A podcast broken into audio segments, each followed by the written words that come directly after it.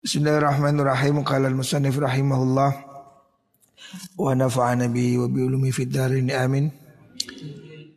Wa rawa Abu Hurairah radhiyallahu an annahu sallallahu alaihi wasallam qala Idza dakhala syahru Ramadan futihat abwabul jannah wa ghuliqat abwabun nar wa sufidatis syayatin wa nada munadin Ya baghi al-khairi halumma. Wa ya baghi syarri iqsur. Imam Ghazali meneruskan hadis riwayat Abi Hurairah radhiyallahu an annahu sedune Rasulullah sallallahu alaihi wasallam iku qala dawu Nabi idza dakhala nalikane mlebu apa syahrul Ramadan bulan Ramadan futihat Mongko den buka apa abwabul jannati pira-pira lawangi swarga. Wa ghulliqat lan den tutup apa abwabun nari pira-pira lawangi neraka. Wa sufidat lan den belenggu den taleni sapa asyayatinu pira-pira setan. Hmm. Ini hadis riwayat Imam dan Muslim. Ya. Apabila masuk bulan Ramadan, kira-kira mungkin 10 hari atau kurangnya dari hari ini, kita sudah di ambang bitu mendekati Ramadan. Rasulullah Wasallam bersabda kalau sudah masuk bulan Ramadan maka Allah buka semua pintu surga dan neraka ditutup semua pintunya. Dan setan-setan dibelenggu, Wah, dibelenggu. Ya. Maksudnya bagaimana? Maksudnya semua pintu kebaikan ini terbuka. Neraka ditutup sehingga semakin panas di dalamnya. Setan dibelenggu loh. Kok masih ada orang berbuat maksiat di bulan Ramadan? Ya memang bukan karena setan, dia sendiri yang sudah jadi setan. Ya orang maksudnya setan dibelenggu itu dengan dia puasa maka dia itu dekat pada Allah jauh dari setan gitu. Artinya setan tidak mendekat karena dia posisi puasa gitu. Nah kalau dia nggak puasa ya setannya ya deket aja ya. Jadi setan dibelenggu itu artinya dengan sedemikian rupa seorang itu berpuasa, beribadah, maka setan tidak tidak bebas lagi sudah. Jadi dia tidak bisa mendekat gitu. Wanada munadin, wanada lan undang-undang sobo munadin wong kang undang ya. Ada malaikat yang membuat pengumuman. Ini hadis lanjutan riwayat Imam Hakim. Ya bagil khair. Eh wong kang ngarepaken bagus ya. Talibal khair halumah madeposiro. Jadi malaikat pada malam Ramadan itu pengumuman. Ayo siapa yang mau berbuat baik mendekatlah. Eh, cuma kita nggak dengar. Sebetulnya ada pengumuman. Malaikat sudah halu-halu. Ya. Orang yang mau berbuat baik Ramadan mendekatlah. Waya baga syarihi wong kang agawi Allah Wahai orang-orang yang mau berbuat jahat di bulan Ramadan yang mau maksiat uksur nyegau siro eh amsik. Berhentilah.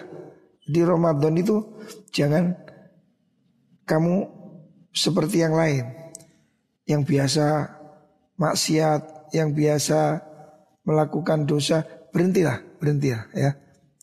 Jadi jangan kau teruskan ya. Ini hadis riwayat Imam Tirmidzi Uh, tapi menurut Imam Hakim hadis ini sahih. Ajakan dari malaikat agar kita pada bulan Ramadan itu jangan neko-neko gitu. Ayo kita ini sudah 11 bulan melakukan macam-macam ya. Kita ini 11 bulan sudah kenyang, sudah sedemikian bebas. Ayo satu bulan Ramadan ini jadikanlah bulan Ramadan bulan yang istimewa. Jangan jangan diteruskan. Kalau di Arab ya beda dengan di Indonesia. Di Arab itu saya dulu ada santri alumni sini nyupir di Arab. Itu kalau bulan Ramadan juragannya itu ahli maksiat. Kalau Ramadan berhenti total. Jadi ada alumni ini cerita saya, juragannya ini orang kaya dan ya namanya orang kaya kan bisa beli apa aja. Jadi dia ini banyak mengumbar nafsu di Jeddah, rumahnya di Mekah, setiap malam dugem di Jeddah. Tapi kalau bulan Ramadan berhenti total, tidak mau dia. Jadi orang Arab itu meskipun weling, wedi, lah Ramadan leren. Nah, lah orang Indonesia ini gak ngerti terus ya. Orang Indonesia ini ndak kurang rimnya. Kalau di Arab itu saya ada santri nyupir di sana lama di Azizia. Kalau saya Ramadan datang ke sana dia nemenin saya jalan-jalan pergi. Dia bilang, loh kamu gak kerja? Enggak Gus, karena juragan bulan Ramadan total, tidak ke mana-mana. Kalau tidak Ramadan, dugem setiap hari dugem ya, di sana itu ada juga dugem itu ada. Pelacuran pun ada di Jeddah. Tapi kalau Ramadan, pray total. Jadi mereka itu masih yakin bulan Ramadan ini pintu surga dibuka. Ya. Harusnya kita ini kalau nggak bisa taat setahun ya minimal satu bulan inilah ya. Usahakan Ramadan, jadikan Ramadan sebagai bulan istimewa ya. Waqala waqi landau sapa Imam Waqi fi qaulihi ing dalam dawi Allah taala rubani kulu wasyrabu hani'am bima aslaftum fil ayyamil khaliyah. Kulu mangana sira kabeh wasyrabu lan nginum sira kabeh hani'an kelawan kepenak silakan makan minum sepuas-puasnya. Bima sebab perkara aslaftum kang wis nglakoni sira kabeh. Jadi besok orang-orang di surga ini dipersilakan makan sepuas-puasnya. Gak ada larangan, gak ada pantangan. Mau orang itu kalau di dunia kan ada kencing manis, asam urat, kolesterol. Di surga gak ada, enak dois. Dan malaikat mempersilahkan, ayo makan minum. Bima aslaftum fil ayyamil khaliyah. Karena kamu dulu sudah melakukan perbuatan baik fil ayyamil khaliyah fil ayyamin dalam piro-piro dino al khaliyati kang musliwat hari yang telah berlalu kamu dulu sudah berbuat baik Imam Waqi menafsiri ayat ini dia mengatakan qala hiya ayyamus yang dimaksud dengan bima aslaftum fil ayyamil khaliyah itu adalah karena kamu dulu sudah puasa. Jadi kamu besok di surga akan diberi kebebasan makan sepuas-puasnya karena dulu kamu sudah puah, puasa. Ya. Jadi tafsirnya ayat ini Kulu wasrabu hani'am bima asraftum fil ayyamil khaliyah ayya ayyamus Hari yang dimaksud itu adalah hari waktu kamu puasa. Eh dunia maksudnya di dunia ya. Wah mana tadi? Iz taraku karena pada ninggal surah kabeh fiha ing dalam mengkuno ayam al akla ing mangan wasyurbalan ing ngumbi. Karena kamu di dunia dulu sudah tidak makan tidak minum, maka kamu kelak di akhirat akan diberi kebebasan yang sepuas-puasnya. Ya. Silakan makan, minum seenak-enaknya. Makanya kamu jangan kecil hati. Kalau di dunia ini kamu tidak berkesempatan makan enak, makan emek, telo, bute, gak apa-apa. Besok kita akan makan seenak-enaknya di surga. Amin Allahumma amin. Karena kita ini insya Allah semua masuk surga. Insya Allah. Eh. Kalau bukan karena amal kita, ya semoga karena rahmat Allah Subhanahu wa taala ya. Waqat jamaat mengumpulkan sinten Rasulullah sallallahu alaihi wasallam fi rutbatil mubahati ing dalam pangkate akan mubah itu mengunggulkan. Baina zuhdi antara ni zuhud fit dunya ing dalam dunya wa baina antara ni poso. Ya Rasulullah menggambarkan ada suatu keistimewaan unggul antara puasa ya yang digandengkan dengan zuhud. Faqala moga dawuh sapa Kanjeng Nabi, innallaha sunni Allah iku yubahi pamer mamerakan menampakkan menunjukkan sinten Allah malaikat atau ing pira-pira malaikat Allah bisyababi kan pira-pira bisyabi kelawan pemuda anak muda al abidi kang ahli ibadah. Fayaqulu moga dawuh sapa Allah ayyuhasyab he eling-eling arek nom wahai pemuda atariku kang tinggal syahwat au ing syahwati syab di ajli karena arah ingsun karena aku. Al mubadzilu kang nyerahaken sababahu ing masa mudai sabab. Li karena ingsun antau taisiro indi munggu ingsun iku kabak di malaikati koyo sebagiane malaikat ingsun. Ya. Jadi Rasulullah Shallallahu Alaihi Wasallam menegaskan ada satu hadis ya, ada satu hadis bahwasanya Allah Allah itu besok di hari kiamat akan membanggakan anak-anak muda yang ahli ibadah ya. Semoga santri-santri semua termasuk ya. Amin Allahumma amin.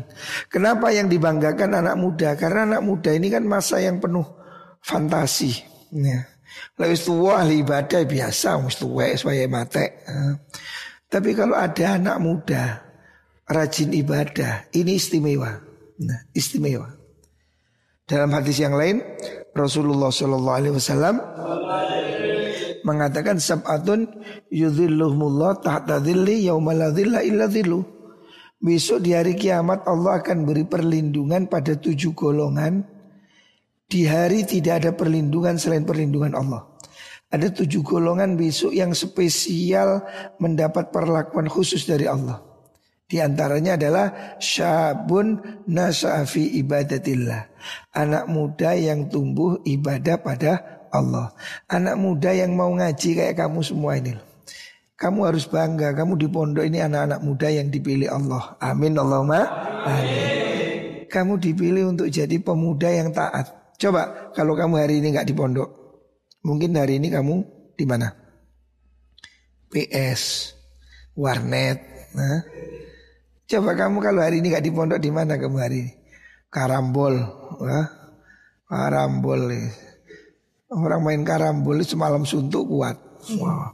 sampai tubuhnya penuh tepung, mau kayak tepung sampai jadi jenang. Anak-anak muda yang mau ibadah itu dibanggakan oleh Allah, ya, dibanggakan. Makanya termasuk dari tujuh golongan dalam riwayat hadis Imam Bukhari ada tujuh golongan yang besok diberi tempat istimewa oleh Allah di hari kiamat. Salah satunya adalah anak muda yang tumbuh dalam ibadah.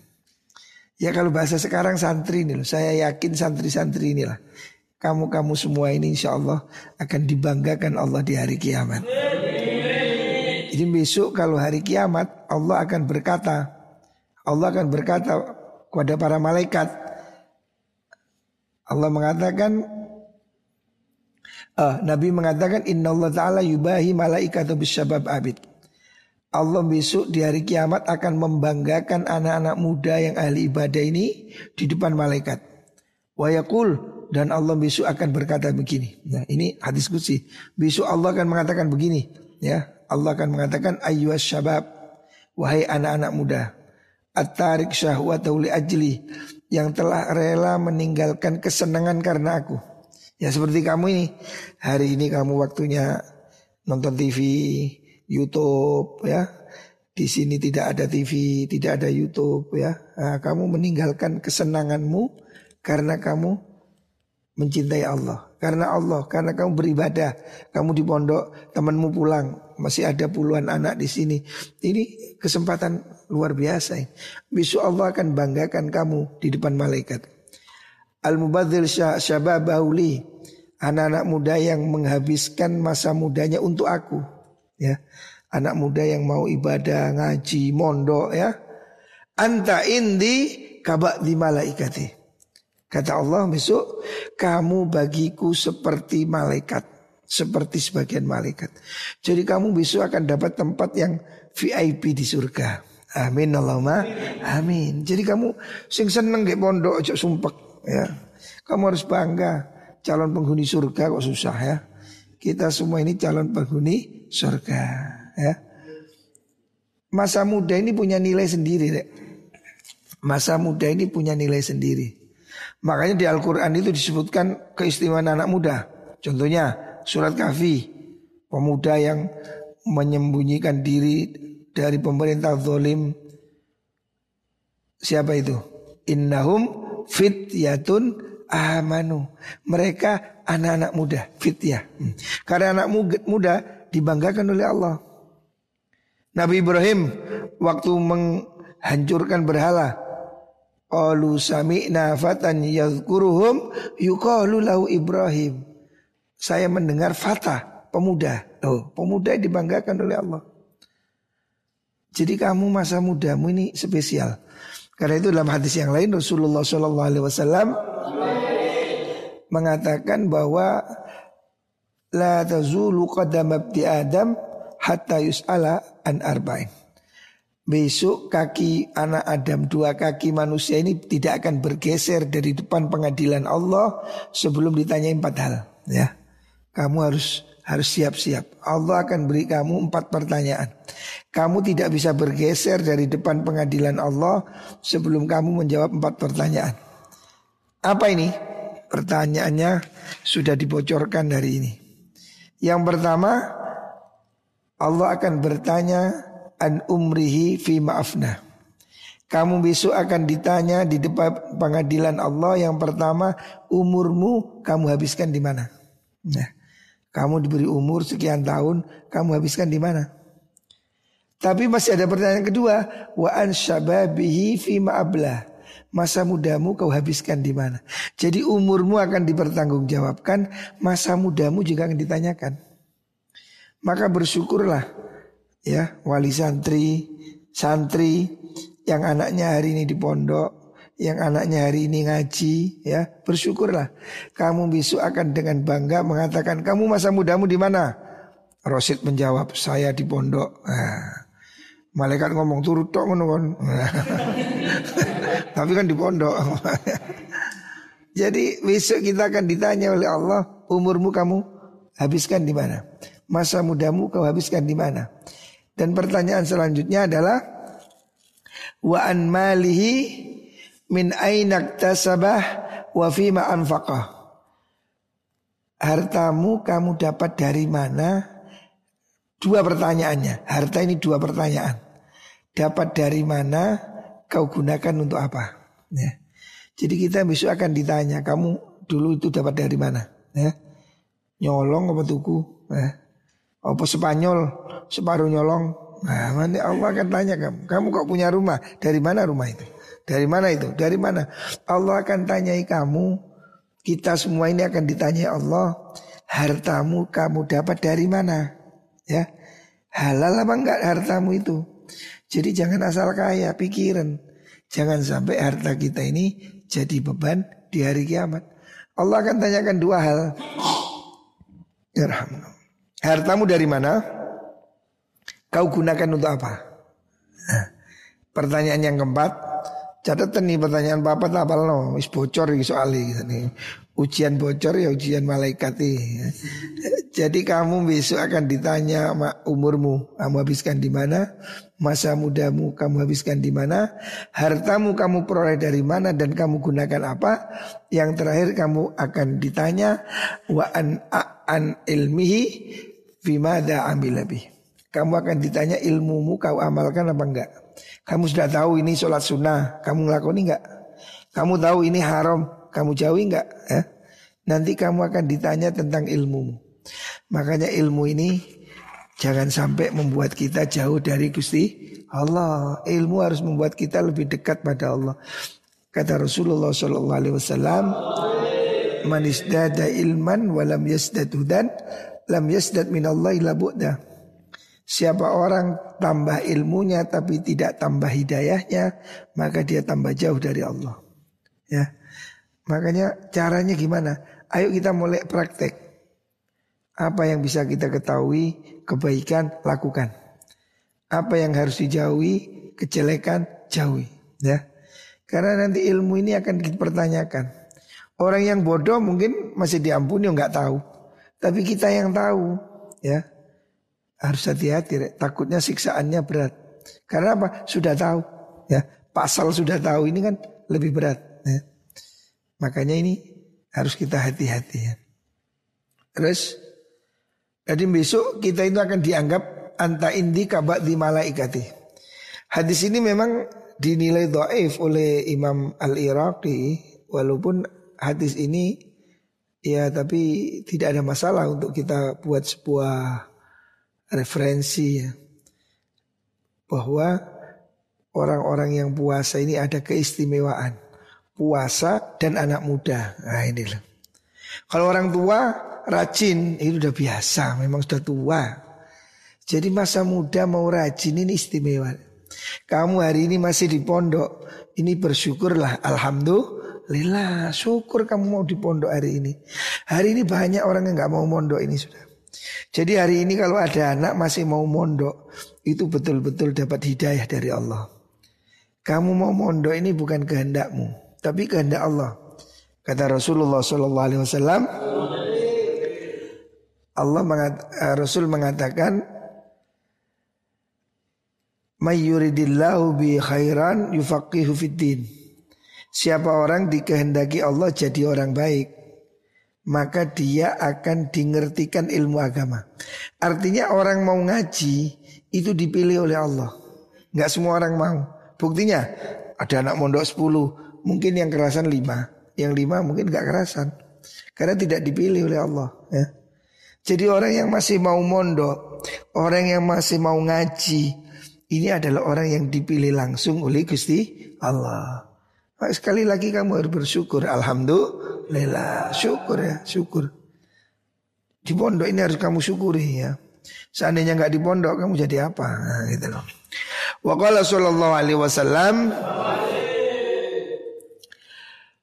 Fisoimi ing dalam wong kang poso yaqulu dawu Allah taala ya malaikati unzuru ila abdi taraka syahwatahu wa ladzatahu wa ta'amahu wa syarabahu min ajli. Hadis yang selanjutnya Rasulullah bersabda tentang orang yang puasa Yaqulullah ta'ala. Allah berkata Ya malaikati Wahai para malaikatku Unzuru ila abdi Lihatlah hamba-hambaku itu. Taraka syahwatahu wa ladzatahu wa ta'amahu wa syarabahu min ajli Coba lihat. Orang itu mau puasa itu hebat kata Allah. Dia mau meninggalkan makanan. Dia meninggalkan minuman. Dia meninggalkan kesenangannya ya syahwatnya. Syahwat ini sebabnya orang punya istri gitu loh. Isu-isu mari subuh ada madem kan. Oh, waktu yang spesial. Nah, dia nggak kumpul istrinya, nggak makan, nggak minum, walaupun tidak ada yang tahu. Karena apa? Karena takut pada Gusti Allah. Loh, orang yang seperti itu Allah banggakan besok di akhirat. Allah akan senang ya. Allah bangga ada orang taat dengan sukarela. Ya. Bukan karena siapa-siapa. Karena puasa ini kalaupun diem-diem tidak puasa orang tidak tahu. Tapi kalau orang mau puasa berarti betul-betul dia melakukannya karena Gusti Allah. Kalau sholat mungkin karena sungkan. Kamu nggak sholat takut dimarahi. Nah, kamu sholat bisa. Tapi kalau puasa kan kamu bisa sembunyi di WC. Kamu bisa ngerokok di jeding. Ya. Kamu bisa ngopi di dapur. Tidak dilakukan. Berarti kamu betul-betul takut pada Gusti Allah. Makanya Allah bangga ya. Ini hadisnya sama yang tadi itu. Jadi riwayatnya hampir mirip. Jadi Allah membanggakan hambanya yang mau puasa dengan sukarela, ya, dengan sukarela ya. Terus mana lagi? Wakila fi qawli ta'ala fala ta'lamu nafsum ma ukhfiya lahum min qurrati a'yun jazaa'an bima kanu ya'malun. Fala ta'lamu orang ngawuri sapa nafsun awa-awaan. ma ing perkara ukhfiya kang den samaraken apa ma lahum kedue mengkono-mengkono kaum utawa nafsun min qurrati ayunin nyatane saking perkara kang dadekaken antenge ati orang itu tidak tahu apa yang akan Allah tampakkan besok yang sangat menyenangkan jadi besok orang-orang mukmin ini akan mendapatkan imbalan yang sangat memuaskan yang tidak kita bayangkan sekarang. Jadi kita tidak tahu seperti apa sih, sulit digambarkan. Ya. Hebatnya surga itu tidak terjangkau oleh akal kita. Enaknya seperti apa? Di luar imajinasi. Ya. Kenapa? Jazaan bima kanu ya'malun. Jazaan krono dadi pewalas bima sebab perkara kanu kang ana sapa wong iku ya'maluna padha nglakoni kabeh. Lah ulama menafsiri jazaan bima kanu ya'malun Kila dan dawakan karena ono opo amalum amali mengkuno kaum iku asyam poso. Jadi Allah mengatakan besok orang itu akan diberi balasan yang sangat menyenangkan sebagai balasan apa yang dia lakukan di dunia. Yang dimaksud apa yang dia lakukan itu ditafsiri oleh ulama adalah pahalanya dia telah berpuasa. Liannahu karena Allah iku kala dawu Allah inna waffas sabiruna ajrahum bighairi hisab. Inna yuwaffa angin pesne den tuwoni ditunaikan sapa sabiruna pira-pira wong kang sabar ajrohum ing ganjarani sobirun bighairi hisabin kelawan tanpa bilangan. Kenapa ayat tadi itu dimaknai dengan yang sesuatu tidak terkira itu untuk orang puasa sebab ayat yang lain Allah mengatakan innama yuwaffas sabiruna ajrahum bighairi hisab. Orang-orang yang sabar itu akan diberi balasan yang tidak terkira ya. Nah, balasan tidak terkira itu tadi surga. Fayufrohu mongko den soaken liso imi kedhi wong kang poso opo ajru ganjaran soim ifrohan kelawan ngesoaken temanan. Jadi besok itu akan diberikan tanpa batas. Ganjarannya itu tidak terhitung. Disok no kape, tidak di dicer-cer, bleng. Ya. Tiket no unggulan. Ya. Wa yujaza fulan dan bales sapa mengkono mengkono uh, mengkono soem jazafan kelawan borongan. Jadi dia itu akan diberi tidak ada perinciannya. Pokoknya diberi sebuah banyaknya ya. Secara global. Jadi tidak dihitung puasa satu jam pahala sekian enggak. Besok langsung diberi ganjaran yang sak gunung-gunung ya besar sekali. Fala yadkhulu mongkora mlebu apa jaza tahta wahmin ing dalam isore penyono wa takdirin dan kiro-kiro. Besok orang puasa ini akan diberi pahala yang tidak ada hitungannya wis. Tidak satu juta, tidak satu miliar, tidak satu triliun tanpa hitungan ya. Jadi begitu besarnya perhatian Allah pada orang yang puasa. Untuk salam Muhammad Wajadirun lan pantas nyonto biayakuna kelan yen ono apa jaza iku kadzalika kelan mengkono bi ghairi hisab. Memang begitulah. Balasan puasa itu tidak akan ada batasnya. Pantas memang begitu. Karena apa?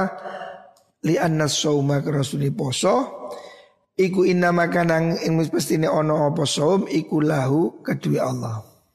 Karena puasa itu khusus untuk Allah. Wa musarrafan lan den mulyaaken binisbati klan den nisbataken ilahi maring Allah. Wa ing kanat senajan ono opal ibadah tu pira-pira ibadah kuluas kaben ibadah iku lahu kedua Allah. Walaupun semua ibadah itu ya untuk Allah. Mana ada sholat ya untuk Allah. Kita sholat kan usolli lillahi ta'ala. Kita puasa ya lillahi ta'ala. Wudhu ya lillahi ta'ala. Tetapi kok puasa ini khusus. Allah memilihnya puasa untuk saya. Itu namanya tasrif, kemuliaan. Sama dengan begini loh. Allah mengatakan Mekah itu Baitullah, rumahnya Allah. Padahal Allah kan tidak di sana toh. Tapi itu kan mulia. Baitullah, rumah Allah. Artinya betapa mulianya Ka'bah itu. Sehingga disebut dengan rumah Allah. Padahal bumi ini semua juga buminya Allah. Bumi siapa? Ya buminya Allah. Tetapi Ka'bah diberi spesial Baitullah. Rumahnya Allah. Bukan berarti Allah duduk di sana. Enggak. Lah kok sholatnya ngadep Ka'bah. Ya sama dengan kamu jaga gini loh. Usum ini kan banyak maling, kamu jaga di pos. Apa malingnya ada di pos? Ya kau no, yang maling ke pos ya opo. Ya itu kan tempat berkumpulnya di situ supaya kita itu kiblat menyatu di situ. Tapi Allah itu tidak buka kantor di Mekah. Artinya kalau dari sini jauh gak tembus enggak. Kamu berdoa di sini juga didengar oleh Gusti Allah. Gak perlu pergi ke Mekah. Di sini pun ada Gusti Allah. Ya Allah itu wahwa ma'akum aina kuntum. Di mana pun kita ini bersama dengan Allah gitu loh. Ya bodoh mbek wong ngeluh kok sing disuntik bokongi. Nah disuntik dasmu ya apa lah. Itu kan tempat berkumpulnya di situ, fokusnya di situ gitu loh. Bukan berarti Allah duduk di Mekah, ya. Tidak begitu ya. Mana tadi? Kama syarafa, kama Mana? Wa ingkana senajan ono apa ibadah kulas kaban ibadah iku lillahi kedua Allah kama sar kama syurifa. Kaya oleh den akan opal baitu baitullah binisbati baitullah maksudnya Ka'bah nih lho. Binisbati klan den nafsu den nisbataken ila nafsi maring zati Allah baitullah ya. Wal ardu ali utai bumi kuluas kabin ard iku ya lahu kedua Allah. Bumi semua milik Allah tapi kok Mekah Baitullah? Padahal Mekah ini kan bagian dari bumi juga. Nah ini karena menunjukkan Mekah ini spesial. Sama dengan ibadah. Semua ibadah yang untuk Allah. Tapi puasa dipilih Allah sebagai as li Puasa untuk saya. Artinya puasa ini lebih istimewa dari yang lain gitu loh. Lima naya ini kurnono makna luruh ada dua alasan ya, lima naya ini. Ahadu mau salah sudi maknanya ini. Iku anna soma suni poso Iku kafun ninggal Kafun nyegah Watarkun lan ninggal Kenapa puasa ini kok dipilih istimewa Ada dua alasan Yang pertama Karena puasa itu dua amal sekaligus Yaitu kafun Mencegah diri Mencegah ya Mencegah makan, mencegah minum, mencegah apa hubungan seks, mencegah ini watarkun sekaligus meninggalkan meninggalkan larangan ya. Wa wa som fi nafsi dalam kahanani som iku sirrun siri. Puasa ini pada dasarnya sesuatu yang rahasia, tidak gampang dilihat orang. Laisa orang ono dalam som opo amalun amal yusyahadu kang bisa den tingali. Karena di puasa ini tidak ada yang bisa dilihat. Kalau sodako kan kelihatan. Kita bagi beras kelihatan. Ya, bahkan ada yang minta dilihat sodako di foto. Sholat juga begitu. Kita sholat bisa dilihat, bisa diabsen. Ya, puasa tidak bisa. Karena puasa itu tercelah orang. Mau dia mokel sembunyi-sembunyi, tidak ada yang tahu. Gitu loh. Fajami wa a'mali ta'ati mongko tes kabehane pira-pira amal taat iku bimasyhadin den tingali utawa ing dalam ketinggalan minal kholqi saking makhluk. Semua amal bisa dilihat oleh makhluk ya. Wa mar'an kang den langkang den tingali bisa dilihat gitu loh. Wa saumu te poso iku layaro ora bisa ningali ing saum sapa illallahu angin Allah ya. Amal yang lain itu bisa diriakan. Adi itu bisa dibaca juga wa mur'ah lan den riakan, den tingalakan maksudnya. Ro'ah, ru'yah eh, bisa dilihat, bisa di menjadi murain orang yang meriakkan diri. Amalan lain itu bisa dibuat action. Kamu sholat biasanya baca kulhu. Ada mertua diganti sabihis. Nah, kan bisa action. Nah, karena yang makmum mertua kulhu ganti sabihis. Ya. Karena ini action di depan orang biasanya sodako sewu gak pantas rek ketok morotuo ganti seketewu. Nah, amal lain bisa pakai action gitu loh. Puasa nggak bisa gitu loh. Fajami undi wau. Wasaumu dai poso iku layar ora bisa ningali ing saum illallah taala ing Allah taala. Beda kalau puasa yang bisa lihat hanya Allah. Ya, Orang nggak bisa lihat kita puasa bener nggak dari mana. Wong kamu nggak puasa pun gaya lemes ya, nggak ketoro ya. Ono ada yang kita lemes, ya, ngantuk, eh ngono. Masih mangane ake yo lemes, ya nulis gaya lemes. Nah, ada yang begitu. Orang ada tipenya tipe lemes. Nah, ya orang sing ngantukan, mesti mangan yo ngantuk, gak mangan yo ngantuk padha Jadi tidak bisa ditengeri oleh lemes poso enggak ono sih enggak poso yo ngantukan mangan turu mangan turu ono yo ono jadi tidak ada indikator yang bisa kita lihat ya fa innahu sedene som iku amalun amal fil batini dalam batine bisobri kelan sobar al mujarrodi kang murni puasa itu murni kesabaran nunggu waktu ya hanya kesabaran, sabar tidak makan, sabar tidak minum, sabar tidak mokel ya. Wasan itu yang ngabing minum, iku anau alasan yang kedua kenapa puasa itu spesial. Allah sallam Muhammad. Anau sedih som iku qahrun ngalahaken. Li aduwillahi maring musuh Allah azza wa jalla.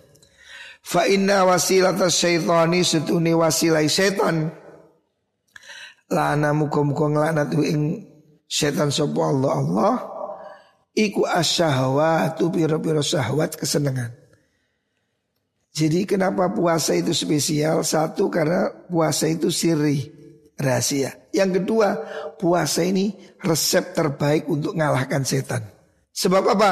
Setan ini masuk ke tubuh kita itu lewat syahwat itu. Kesenangan itu loh. Hobi-hobi yang kita lakukan itu loh. Ya. Syahwat. Wa imana takwa angin mesti jadi kuat apa syahwat itu syahwat bil akli kelawan mangan wa surbilan ngumbi. Orang itu kalau makan banyak, minum banyak, syahwatnya meningkat. Pasti itu. Apalagi makannya sate kambing. Wow, tambah syahwatnya meledak-ledak. Nah, makan tempe aja Ya syahwat, umpamanya makan kambing, tambah nemen. Ya. Lah intinya orang itu kalau makannya banyak, syahwatnya meningkat. Ya. Walidhalika karena mengkuno kohurun di'adwillah. Qala dawu Rasulullah sallallahu alaihi wasallam Inna syaitana sunni setan iku layajri yakti lumaku sopo setan min ibni Adam saking anak Adam majurat dami ing dalam lumakune getih. Jadi setan itu masuk seperti jalan darah. Darah ini mengalir. Kamu nggak lihat, darah ini mengalir sebetulnya. Cuma kita kan tidak terasa. Padahal darah ini mengalir. Buktinya, kalau darah sumbat sedikit, namanya apa? Setruk. Wong ibu tu awake. Kabeli pedot titik. Terus setruk. Ya. Darahnya nggak lancar, lumpuh. Loh, darah ini mengalir. Tapi kita nggak terasa. Lah setan ini seperti itu. Mengalir di seluruh tubuh kita. Jadi tangan kaki kita ini ono setan yang kabeh. Makanya tangan ini kudu jawil-jawil ngono. Matanya kudu jelalatan. Kadang ada setannya. Lah kalau kita ini makan minumnya dikurangi, setannya nggak bisa bergerak. Ya. Nggak lancar, alirannya nggak lancar gitu loh. Mongko ngrupekno sira kabeh, persempitlah majariyahu ing pira-pira nggon lumakune setan biljui kelawan luwe. Makanya Nabi mengatakan hendaknya kamu persempit gerak setan di tubuhmu dengan cara lapar. Ya. Jadi lapar ini cara untuk mempersempit gerak setan. Ya. Ini hadis riwayat Imam Bukhari. Walidalika lan karena mengkono qahrun niku wala Rasulullah sallallahu alaihi wasallam li Aisyah tamaring Sayyidah Aisyah. Nah, sekarang ini kan ada lagu Aisyah. Nah, orang itu nggak tahu ceritanya Aisyah. Memang Aisyah itu istri Nabi yang cantik jelita. Tapi ya jangan digambarkan seperti artis itu ya. Aisyah itu wanita yang solihah ya. As-Siddiqah bintu Siddiq. Radiyallahu anha. Rasul mengatakan pada Aisyah, Dawimi ngelanggeng sira wadon. Dawimi ngelanggeng sira wadon ababil jannati ing notok pintu surga. Nabi mengatakan pada istrinya Aisyah, "Wahai Aisyah, hendaknya kamu terus-menerus ketuklah pintu surga." Nah, ketuk terus pintu surga. Qalat jawab sebuah Aisyah, "Bimadza kelawan nopo?" Cara ngetuk pintu surga pakai apa? Pakai dengkul apa pakai sikut? Nah, oh kalau jawab sebuah Rasulullah Sallallahu Alaihi Wasallam bilju kelawan luwe. Cara menget, cara mengetuk pintu surga itu dengan lapar. Jadi kalau kamu lapar, pintu surga itu terbuka. Tapi kalau kamu kenyang, pintu ini nyantol, gak kena kena. Nah, makanya supaya pintu surga terbuka, kurangi makan. Nah, kurangi makan. Nah. Lah, cuk ini artinya apa? Puasa. Ya. Makanya orang Jawa dulu ya, orang Jawa ini punya kearifan. Ada istilahnya poso mute. Memang tidak ada di Arab poso mute tidak ada. Memang mereka nggak makan nasi. Ya. Tapi orang Jawa ini ada kearifan poso mute. Poso nggak makan apa? nggak makan ikan. Ya. Itu maksudnya apa sih? Seperti di pondok sini, di Anur sini. Ayah saya mengijazahkan pada semua santri supaya puasa 40 hari tidak makan ikan. Maksudnya tidak makan lauk yang asalnya hidup, asalnya. Lah tadi soto ya mesti mati. Nah, maksudnya sing asli ini itu hewan yang bernyawa maksudnya. Itu kenapa sih? Wong di Islam nggak ada dalilnya. Memang iya, nggak ada dalilnya, nggak ada. Memang nggak ada. Tetapi bukan berarti tidak boleh. Maksudnya itu untuk melatih nafsu. Bahwa kita ini kan secara naluri itu kan suka daging loh. Manusia ini kan sembarang daging doyan. Daging matang, daging mentah, doyan kabeh gitu. Lah, manusia ini kan nafsunya itu kepingin mangan enak, maka sate, gule, tongkol, mujair, ya, maka nafsunya dikurangi. Dengan apa? 40 hari tidak makan lauk. Itu ijazah ya saya. Sejak dulu. Saya alhamdulillah sudah menjalankan puasa 40 hari itu 8 kali atau 9 kali. Sebelum mondok saya sudah diijazahi ayah saya waktu itu kelas dua sanawiyah. Saya puasa 40 hari. Puasanya nggak boleh makan ikan. Maksudnya nggak boleh makan teri, tongkol, ayam, sapi. Jadi makannya cuma tempe, tahu gitu. Itu tirakat. Itu ayah saya dari gurunya begitu. Saya kelas 2 sanawiyah sudah pernah melakukan. Selama di Lirboyo Selama mondok di Lirboyo setiap tahun saya puasa 40 hari. Saya mondok 8 tahun 8 kali. Ya. Saya ulang-ulang karena ayah saya dulu juga begitu. Ayah saya dulu juga puasa ini diulang-ulang. Ya alhamdulillah. Itu puasa yang untuk lil hifzi wal fahmi, untuk kecerdasan. Kecerdasan bukan hanya dalam sekolah, termasuk kecerdasan dalam hidup. Kecerdasan menghadapi problem, kecerdasan terhadap masalah, soal ekonomi, soal apa pun ya. Minta pada Allah diberikan otak yang terang. Sebab manusia ini kalau tidak dibimbing Allah rek. Kemarin Italia ada konglomerat kaya sedih keluarganya kena apa corona dia bunuh diri loncat dari atas hotel ya itu kan pikiran yang gelap padahal dia kan mestinya kalau pikirannya terang ngapain bunuh diri anaknya mati rabi mana gaya mana iso duwe akeh kan ya pikiran terang ya. Nah, pikiran cepet bunuh diri dia. Coba pikirannya terang. Istrinya mati, cari lagi. Oh, kan enak. Bisa dapat baru, tambah lagi, tambah lagi. Wong kaya. Nah, ini orang kaya kok jadi goblok bunuh diri. Ini karena pikirannya gelap. Nah, makanya ada doa untuk pikiran terang ya. Ini sejak dulu di pondok sini rata-rata santri disuruh puasa 40 hari ini. Kalau sudah puasa kata ya saya dulu selamati petik jago. Ada yang usul petik babon, enggak petik jago, cik jagoan.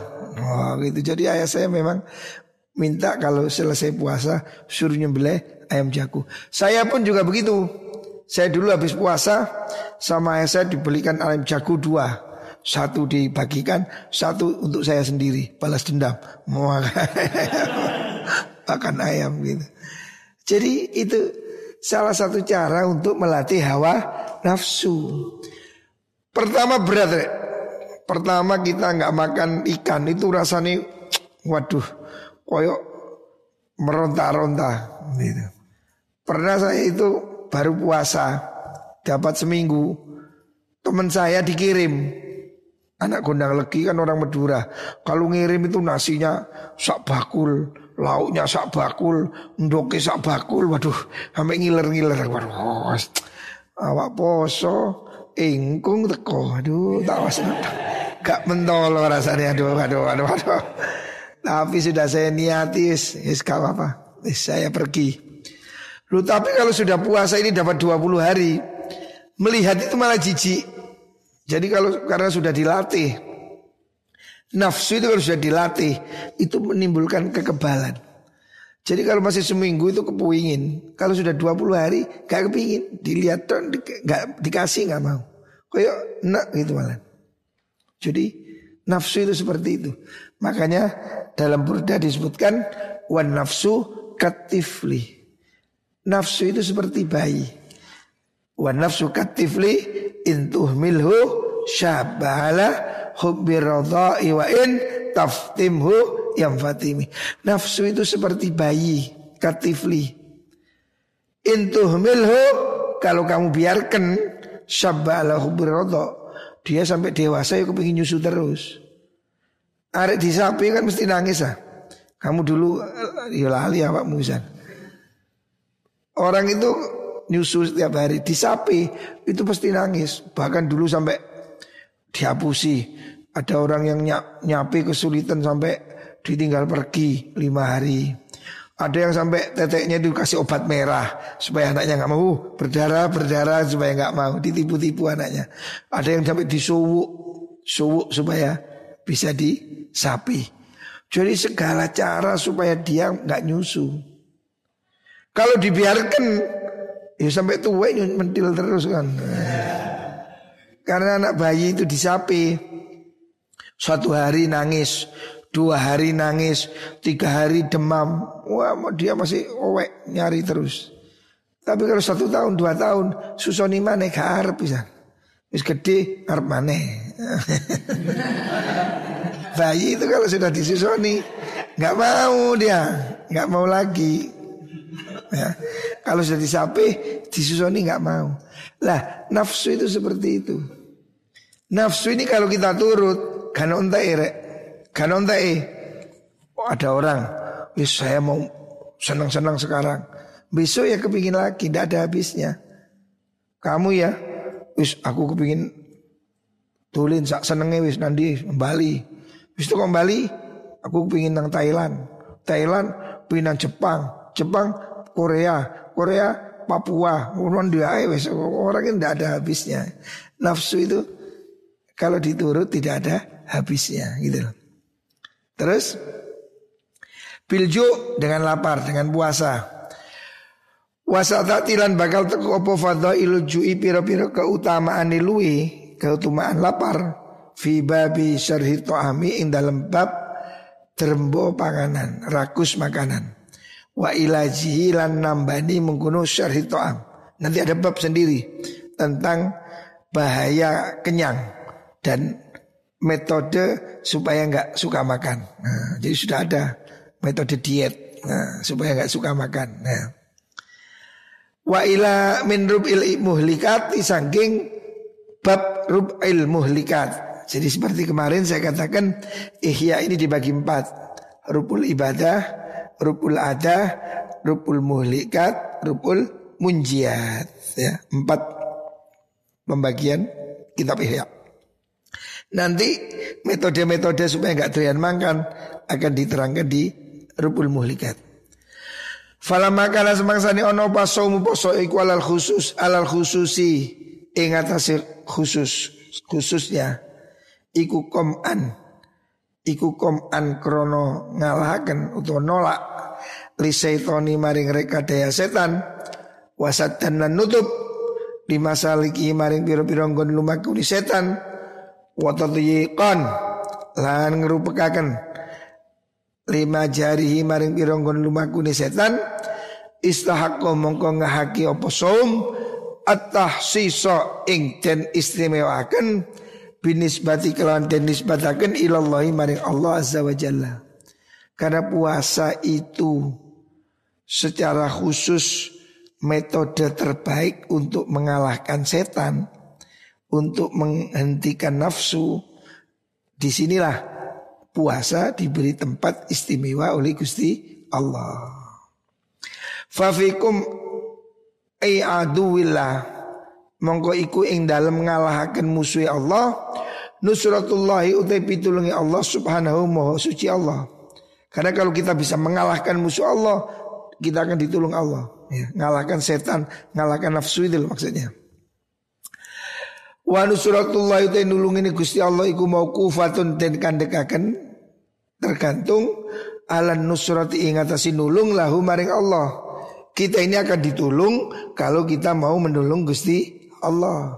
Qala Allah Ta'ala In tansurullah yansurkum Wa yuthabbit aqdamakum.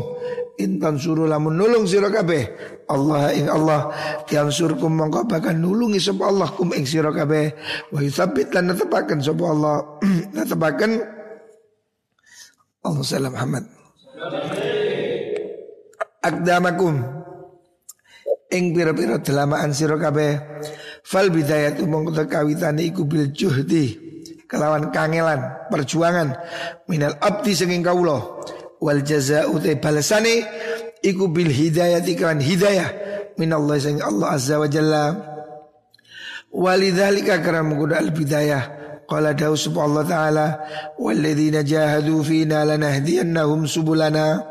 Walladzina utai wang akeh Jahadu kang podo nemen-nemen nih Berjuang Sub alladzina fina in dalam ngeluhurakan mau ingsun Allah lanahdiyannahum Yakti bakal nuduhakan temen ingsun Nuduhakan temen ingsun Hum ing alladzina Subulana ing pira-pira dalan ingsun Siapa orang mau berjuang di jalan Allah Allah akan tolong dia bantu dia ya. Intan surullah yang surkum. Kalau kamu menolong agama Allah, kamu akan ditolong oleh Allah. Perjuangan, pondok, madrasah, bantu. Kamu akan dibantu oleh Allah ya. Kamu harus yakin. Kita kalau menolong Allah pasti ditolong oleh Gusti Allah. Ya ini pondok, madrasah, masjid, semua tempat perjuangan ini ayo dibantu. Allah janji akan bantu kita ya. Termasuk puasa ini juga bagian dari itu ya. Wa qala ta'ala inna Allah la yughayyiru ma biqaumin hatta yughayyiru ma bi anfusihim.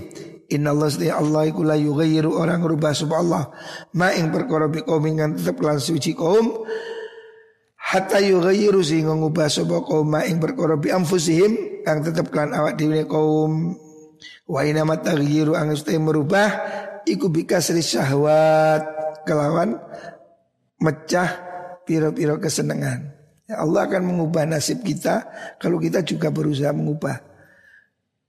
Kita mengubah kebiasaan buruk jadi baik, Allah akan mengubah pertolongannya kepada kita. Ya. Faya mongkau tay mengkuno syahwat iku martaus sayatin gondolanane setan wa mar'ahum lan gon pangonane setan. Syahwat itu tempat bermainnya setan, tempat berkembang biaknya setan.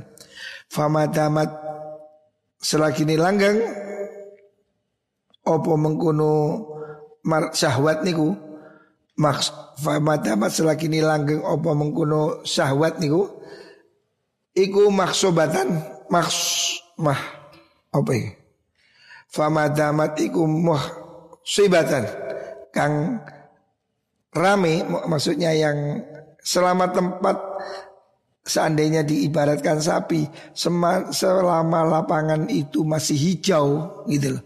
Banyak tanaman ya Artinya tempat itu menyenangkan ya. Selama nafsu kita ini masih tumbuh ya, setan masih senang di situ gitu. Yang kot yang yang kotik mengko ada dadi pedot opo tarot tutu miter-miter setan. Madamu wa madamu selagi ini langgeng sopo setan iku ya tarot daduna miter-miter sopo setan. Lem yang kasif mengko ada dadi kebuka lil abdi kuthi kaulo apa jalalullahi keagungan Allah subhanahu wa suci Allah wa kana lan ono abad iku mahjuban kang den aling-alingi an liqaihi saking ketemu Gusti Allah Selama nafsu kita ini masih merajalela, masih subur, maka setan akan bermain di situ terus.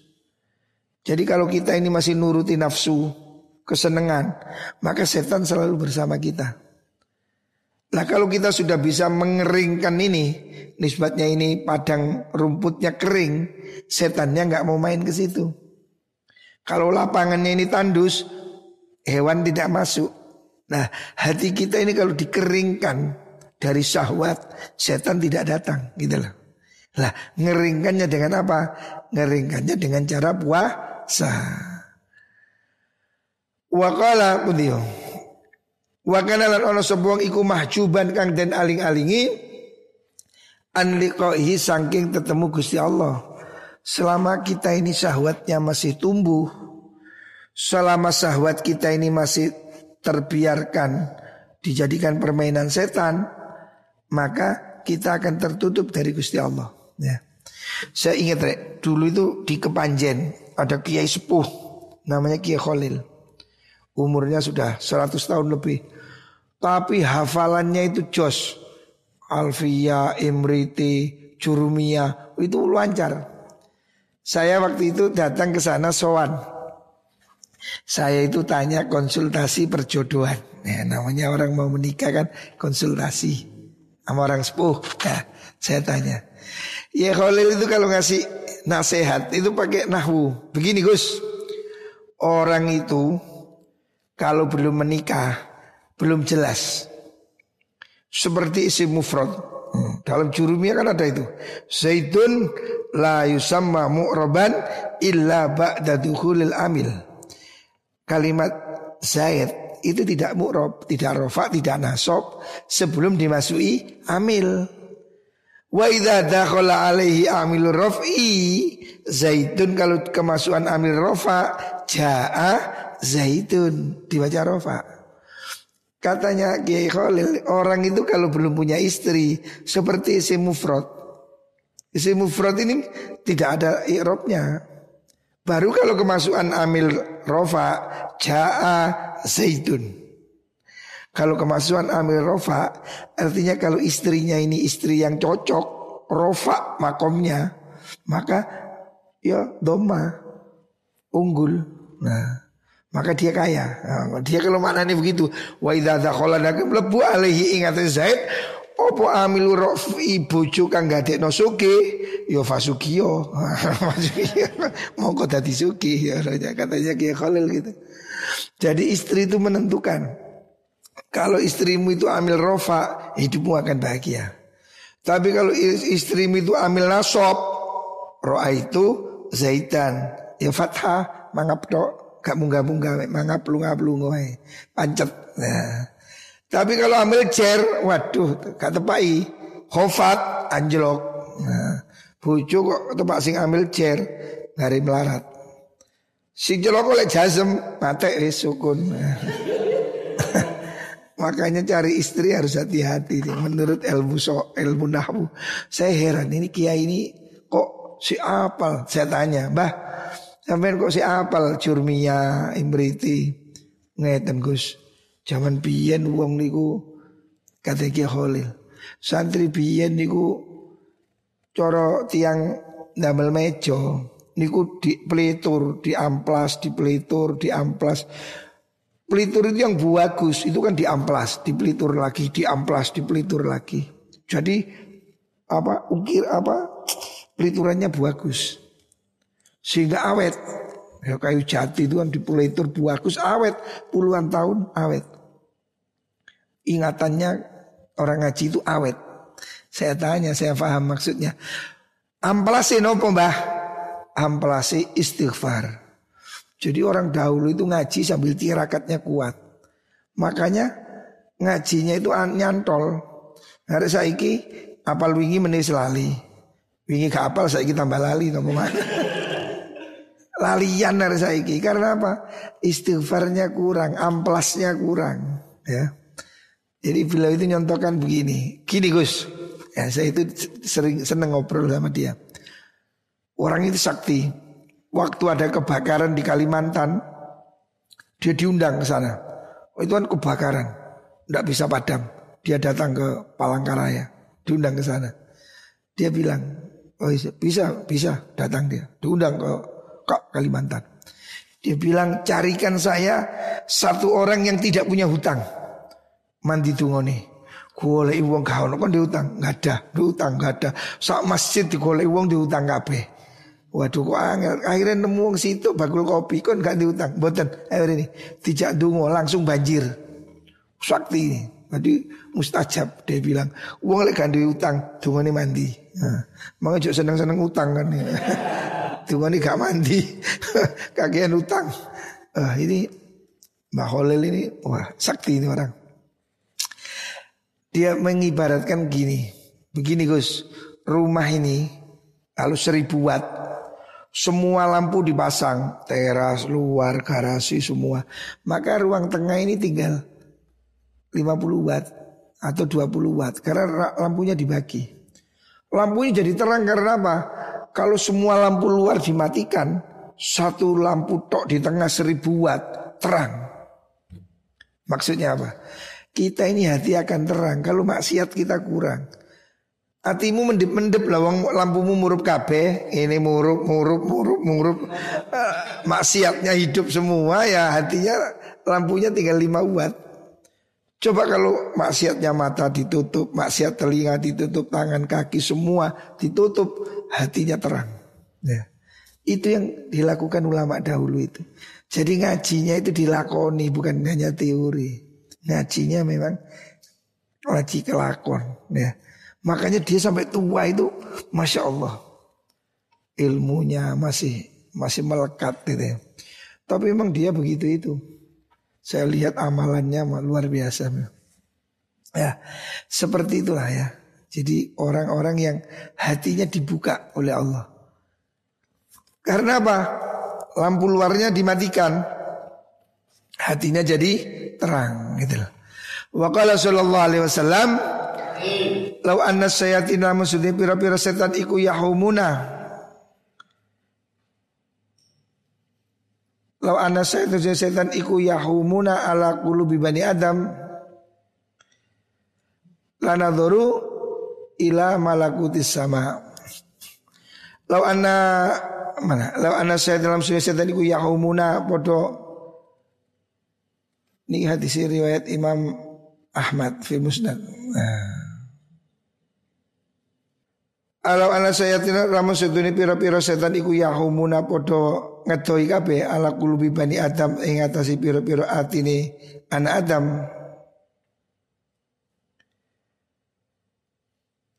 Lana itu bisa ningali sopan Adam ila malakutis samawati maring pira-pira keraton langit. Jadi seandainya manusia ini tidak ditutupi oleh setan ya. Yahumuna itu nutupi, nutupi. Maksudnya begini, ini hadis ini dari hadisnya Isra Mi'raj, Kisatul Mi'raj. Ketika Allah membawa Nabi naik ke langit ya. Dia itu Nabi itu melihat ke arah bawah ya. Ternyata dari bawah ini tertutup mendung awan. Terus Nabi mengatakan itu ada apa kok ada awan di bawah wahai Jibril? Nah, Jibril mengatakan, wahai Muhammad, seandainya setan-setan itu tidak ngerubung hati orang, maka mereka itu tembus ke langit. Kita ini tidak tembus ke langit, karena apa? setan ini ngerubung kita gitu. Maka kita jadi tidak tembus gitu. Famin hadal wajah sing wajah Soro dadi opo babul ibadati lawang ibadah Soro dadi opo somu poso. Iku babal ibadati lawang ibadah Wa soro lan dadi opo som Iku junnatan dadi tameng. Dari sinilah kita memahami Puasa itu jadi tameng Wa idza azumat nalikane dadi agung opo fadilatu fadilai som ila hadzal hati maring ikilah batas. Fala buddha mengko ora kena ora pemin bayani surutihi saking nerangan pira-pira syarati som al-zahirati kang zahir wal batinati lan batin bidzikri arkani lan nutur pira-pira rukune som wa sunani lan pira-pira sunai som wa suruti lan pira-pira syarati som al batinati kang batin wa nubayyinu lan bakal nerangaken ingsun zalika ing mengkono-mengkono syurut bisalah sati fusulin kelawan telung fasal. Ya ini terakhir. Jadi ini pengantarnya begini. Karena puasa ini sudah sedemikian hebat sudah dijelaskan Imam Ghazali maka nanti harus saya terangkan satu-satu. Mulai bagaimana cara puasa yang benar apa syaratnya apa rukunnya bagaimana siri-sirinya akan kita kupas di sini ya. Ini masih pengantar. Ya. Jadi ngaji tiga hari ini masih pengantar. Ihya ini panjang. Saya ngajar Ihya di Surabaya itu sudah empat tahun ya ke hatam-hatam. Mungkin yang ngaji ini didik-didik. Ya ini tapi walaupun sedikit semoga manfaat nih. Ngaji ini sing penting iso dilakoni. Muka-muka kabeh iso ngelakoni. Amin Allahumma amin.